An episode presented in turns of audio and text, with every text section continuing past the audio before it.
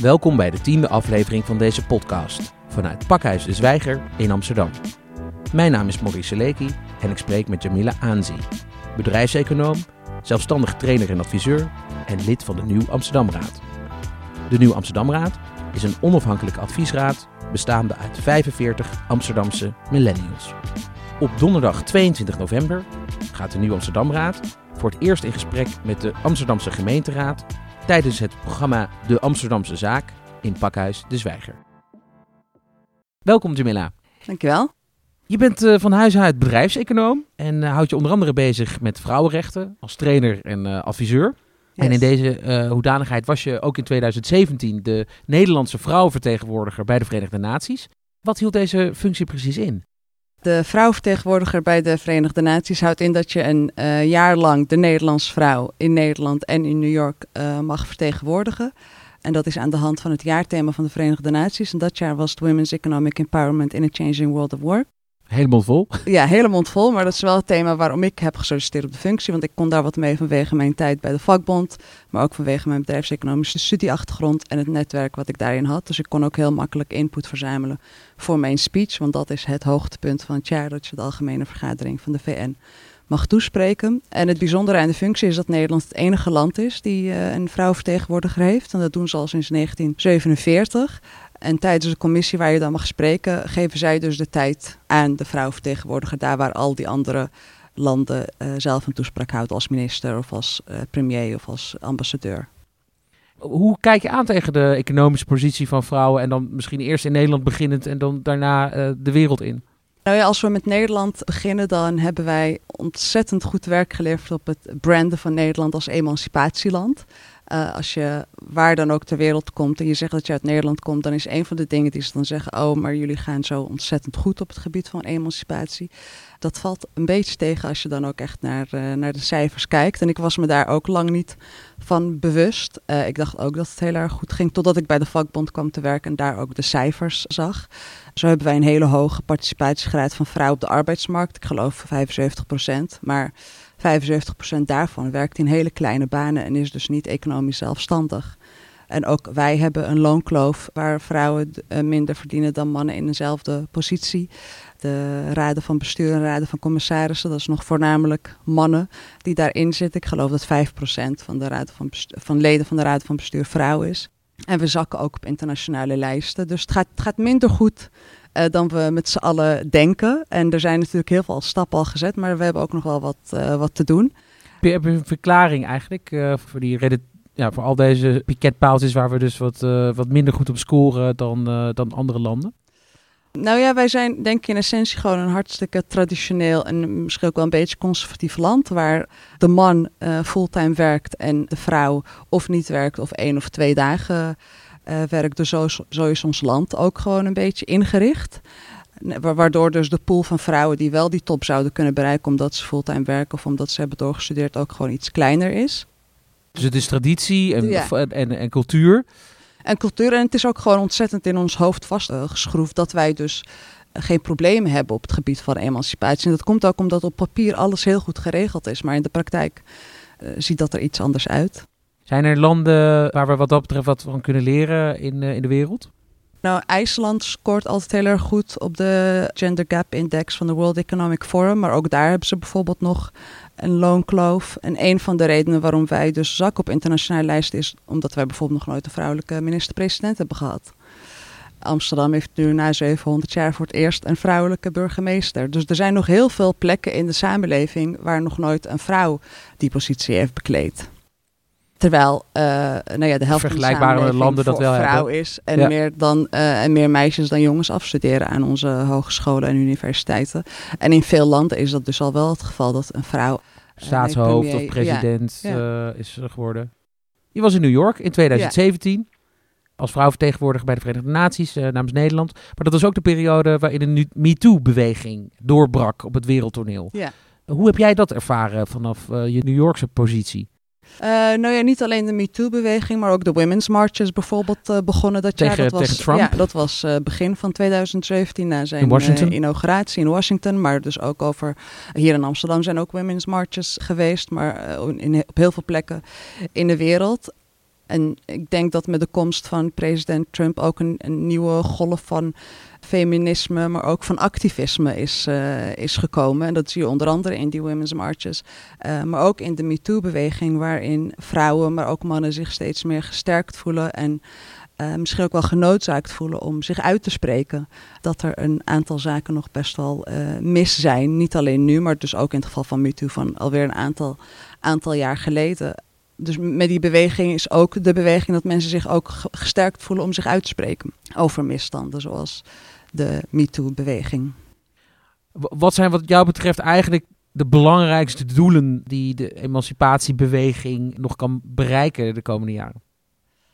En, en, zoals ik al zei, er is al heel veel gebeurd, maar er moeten nog een aantal stappen worden gezet. En één daarvan is representatie. Dat er dus evenveel plek is voor zowel mannen als vrouwen.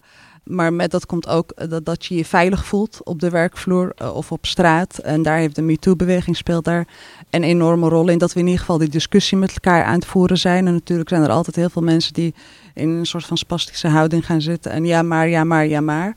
Uh, maar die discussie moet wel gevoerd worden. En dat gebeurt nu door een nieuwe lichting feministen. Uh, waar ook heel veel mannen tussen zitten. En daar ben ik heel erg blij om. En die het werk voortzetten van, nou ja, van de eerste en de tweede feministische golf. Maar nu uh, ook bijvoorbeeld met social media, waardoor ook je bereik veel groter is. En waardoor het gesprek uh, niet alleen op heel lokaal niveau gevoerd kan worden, maar tegelijkertijd ook heel internationaal. Heeft jouw toespraak uh, die je bij de Verenigde Naties gaf, heeft dat ook een bepaald effect gehad? Nou ja, ik had voor mijzelf drie doelen gesteld. Ik wilde een uh, inclusieve stem zijn bij de VN. Uh, Nederland doet dit dus al sinds 1947, maar ik ben geloof ik de derde vrouw met een kleurtje. Dus ik wilde... Want jouw achtergrond is Marokkaans? Ja, ik ben in Amsterdam geboren en uh, mijn ouders zijn in Marokko geboren. Maar ik wilde de, de, de stem van zoveel mogelijk vrouwen vertegenwoordigen daar in New York. En ik wilde mannen betrekken in mijn, in mijn speech. En ik wilde een, een multi-stakeholder aanpak uh, op mijn speech loslaten. Dus ik heb niet alleen met vrouwen gesproken, maar ook met mannen, met het bedrijfsleven, met de overheid en met uh, politiek. Omdat de vrouwenzaak niet alleen een zaak voor vrouwen is, maar het gaat ons allemaal aan. En we worden er allemaal beter van als, uh, als die loonkloof wordt gedicht, als we betere representatie hebben. Ik heb ook mijn persoonlijke verhaal in mijn speech verwerkt van uh, nou ja, van mijn, uh, de aankomst van mijn analfabete ouders in, in Amsterdam naar hun dochter die de VN toespreekt. Dat is nogal grote stap. een grote stap. Dus mijn speech heet ook A Lot Can Change in One Generation. En ik heb eigenlijk mijn hoop uitgesproken dat er in dus de komende generatie weer een hoop kan veranderen en kan gebeuren dat nou ja, positieve veranderingen met zich meebrengt voor vrouwen. Jamila, je behoort tot de millennial generatie. Dat zijn alle mensen geboren tussen 1980 en 2000. Een generatie waar veel over geschreven is, maar ook de generatie die het nu moet oplossen. In de Tweede Kamer zien we heel veel millennials, waaronder Rob Jette, Jesse Klaver, Thierry Baudet, Klaas Dijkhoff, een heleboel millennials. Zij hebben nu ook dus de macht in handen voor een deel. Verwacht je dat de millennial generatie daadwerkelijk een groot vraagstuk als waar we het nu over hebben, vrouwenemancipatie, gaat oplossen? Ja, de, de millennial generatie is een vrij grote groep. Ik zat laatst de Daily Show met Trevor Noah te kijken en daar kwam de term vintage millennial naar voren. Dat zijn de zeg maar. Trevor Noah is een talkshow host die ook uh, een millennial is. Ja, uit, die is uit Zuid-Afrika oorspronkelijk. 84, die werd dus als vintage millennial uh, bestempeld. Dus uh, zo, zo bestempel ik mezelf nu ook als vintage millennial. Maar die beweging in de Kamer is natuurlijk wel ontzettend goed. Want diversiteit heeft niet alleen met mannen en vrouwen te maken, maar ook met jong en oud. En nou ja, met zwart-wit. Het is het hebben van verschillende perspectieven in een Kamer of op een werkplek. En, uh, en ga zo maar door. Dus dat vind ik ontzettend verfrissend. Dat zij nu aan, uh, nou ja, aan de macht zijn of op weg zijn naar de macht. En je merkt ook wel dat zij ook verschillende onderwerpen aansnijden die uh, onze generatie aangaan, maar die ook de, nou ja, de rest van het land aangaan. En dat heeft niet alleen met emancipatie te maken, maar ook bijvoorbeeld met de klimaatverandering, met diversiteit. En het, is ook de generatie die natuurlijk online te vinden is en actief is op uh, social media. En deze, nou ja, deze fractievoorzitter zijn uh, ook actief online en zijn daardoor ook makkelijker aanspreekbaar door ons, door de kiezers. Dus als ze iets niet aanstippen of, of niet genoeg aanstippen, dan zijn er altijd weer genoeg mensen die hun daarop aanspreken. Dus ik hoop in die wisselwerking tussen de millennials daar in de Kamer en de millennials daarbuiten, maar die wel online actief zijn, dat ze daardoor dus samen aan zaken als uh, vrouwenemancipatie kunnen werken. Millennials lijken in ieder geval heel erg schappelijk betrokken, maar voor een, deel, eh, voor een deel. En voor een deel wordt het ook verweten dat ze heel escapistisch zijn. Dat ze voortdurend op reis gaan. Dat ze, de, dat ze zich niet vastleggen aan werkgevers of aan partners. Dat ze, dat ze niet kunnen kiezen. Dat ze niet tegen druk kunnen. Last hebben van stress. Eh, heel snel last hebben van stress. Uh, herken jij dit ook, deze, deze typeringen van de millennial generatie? Jazeker, het is ook de generatie die last heeft van FOMO, fear of missing out. En daardoor dus zoveel mogelijk willen doen. En, en dat komt ook omdat er ook zoveel mag en zoveel kan. En daardoor zoveel moet van jezelf. En er komen ook steeds meer berichten naar voren nou ja, dat het burn-out cijfer nog nooit zo hoog is geweest. En dat is met name in, in die groep terug uh, naar te herleiden. Maar ik herken dat zeker bij mezelf, maar ook bij de mensen in mijn omgeving. Dat we zoveel mogelijk willen doen en dat we zoveel mogelijk willen reizen. En, maar tegelijkertijd willen we het ook over klimaatverandering hebben, maar we willen wel blijven vliegen. Uh, we proberen zo organic mogelijk te eten, maar ja, we houden ook wel van een stukje vlees. Dus we willen het eigenlijk allemaal een beetje.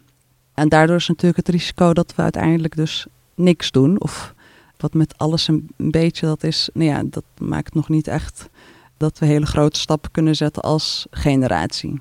Want als we dat dan toespitsen op die vrouwen-emancipatie, er moet veel gebeuren, dat is duidelijk. Eh, de dossiers zijn duidelijk, alleen de concrete stappen. Jij geeft trainingen uh, in bijvoorbeeld Servië. Wat voor, wat voor programma's eh, probeer jij dan aan de, de mensen die je traint mee te geven? Uh, nou ja, het zijn voornamelijk trainingen gericht op uh, politiek en uh, vaak dus op campagnes als ze vlak voor een verkiezing zitten. Maar als ik bijvoorbeeld vrouwen train, dan zit ik ook heel erg op de, op de skills. Want je ziet, als ik met vrouwen werk, dan zie je dat ze heel erg dat ze over de kennis beschikken en ook over de ervaringen. Maar dan zijn ze vaak, nou ja vrijwilliger geweest en durven ze nog niet die stap te zetten naar een eh, iets grotere positie binnen de partij. Uh, en dat heeft dan vaak met zelfvertrouwen te maken.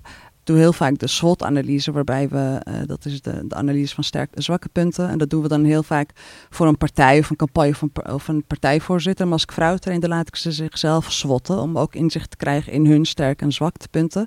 En met name de sterke punten, want vrouwen zijn heel goed in het benoemen van hun zwakke punten. En dat dan vervolgens met elkaar te delen als groep. En daarin zie je een hele mooie beweging dat ze elkaar daarin versterken. En ook realiseren dat ze niet alleen staan in hun zwaktes of in hun twijfels. Want dat, dat, dat is wat nog heel veel vrouwen nekt. Niet alleen hier en niet alleen in Servië, maar in heel veel landen over de hele wereld. Dus er is, dat noemen ze een confidence gap tussen mannen en vrouwen. Als je bijvoorbeeld uh, naar de. Dus er is een gender gap en een confidence gap. Ja, als je bijvoorbeeld naar de arbeidsmarkt kijkt en je hebt een vacature en met tien uh, criteria waar je aan moet voldoen, dan zijn mannen vaak na drie criteria al overtuigd dat ze die baan aan kunnen. Ook al hebben ze niks met die andere zeven, maar dan denken ze: ja, dat kan ik, dit is voor mij. Terwijl vrouwen uh, zich pas zeker voelen als ze echt aan alle tiende criteria voldoen en dan nog gaan twijfelen of ze dat misschien wel kunnen waarmaken. En dan misschien gaan solliciteren. En dat, is, nou ja, dat, is, uh, dat zie je wereldwijd bij vrouwen. En dat is uh, ontzettend jammer, omdat, je, nee, omdat de arbeidsmarkt daardoor ook heel veel talent gewoon niet krijgt en niet ziet of niet herkent en erkent. Als je zeg maar de Nederlandse vrouw in één plenaire trainingssessie zou mogen trainen om eigenlijk hun emancipatie vooruit te helpen, wat zou je ze dan leren? Nou ja, dan zou ik ze uh, eerst de cijfers leren, omdat uh, daar nog heel veel onwetendheid over is. Hoe het nou echt zit met de positie van vrouwen in Nederland. Dus daar zou ik ze inzicht in willen geven en, en vervolgens met hun onzekerheden aan de slag gaan. Van het spreken in het openbaar naar hun eigen verhaal op papier zetten, naar uh, lobbyen en onderhandelen. En zo nog een aantal skills, waardoor ze ook sterker worden als persoon. Om vervolgens dus die wijde wereld in te kunnen en ook aan te kunnen. En als je diezelfde plenaire sessie mag geven, maar dan aan alle mannen van Nederland, wat zou je die leren? Dan zou ik ook met de cijfers beginnen, omdat die ook geen idee hebben van hoe het er nou echt voor staat. Want als ik de mannen die ik sprak toen ik vrouwvertegenwoordiger was, vond het heel erg leuk dat ik met ze wilde spreken. Maar die begonnen daarna ook meteen van, ja, maar we hebben hier toch geen probleem in Nederland. Dus die, daar zou ik ook beginnen met de cijfers. Uh, en daar is denk ik meer een sensitiviteitstraining nodig. Uh, dat ze zich bewust worden van alle mechanismen die zich, uh, die zich manifesteren op een werkvloer of in de politiek of op straat. Waar ze zelf niet bewust van zijn, maar misschien wel een rol in spelen. Waardoor een vrouw zich minder veilig voelt of een vrouw zich minder gesterkt voelt om haar vinger op te steken als er een promotie is. Dus ik zou bij de mannen denk ik meer op die tour gaan. En samen zou dat eigenlijk best wel veel effect moeten opleveren, toch? Ja. Als je dat zou kunnen doen. Ja. Misschien moeten we kijken of we vanuit Pakhuis de Zwijger zo'n plenaire trainingssessie kunnen faciliteren. Oh, dat op een zou heel gaaf manier. zijn, ja. Jamila, nog heel even terug naar jouw rol in de Nieuw Amsterdamraad. Ja. Eh, zou je misschien nog heel even kort kunnen samenvatten wat de Nieuw Amsterdamraad is? Of even in grote lijnen? Uh, nou ja, de Nieuw Amsterdamraad bestaat uit 45 millennials. Dat is het aantal uh, gemeenteraadsleden hier in, uh, hier in Amsterdam.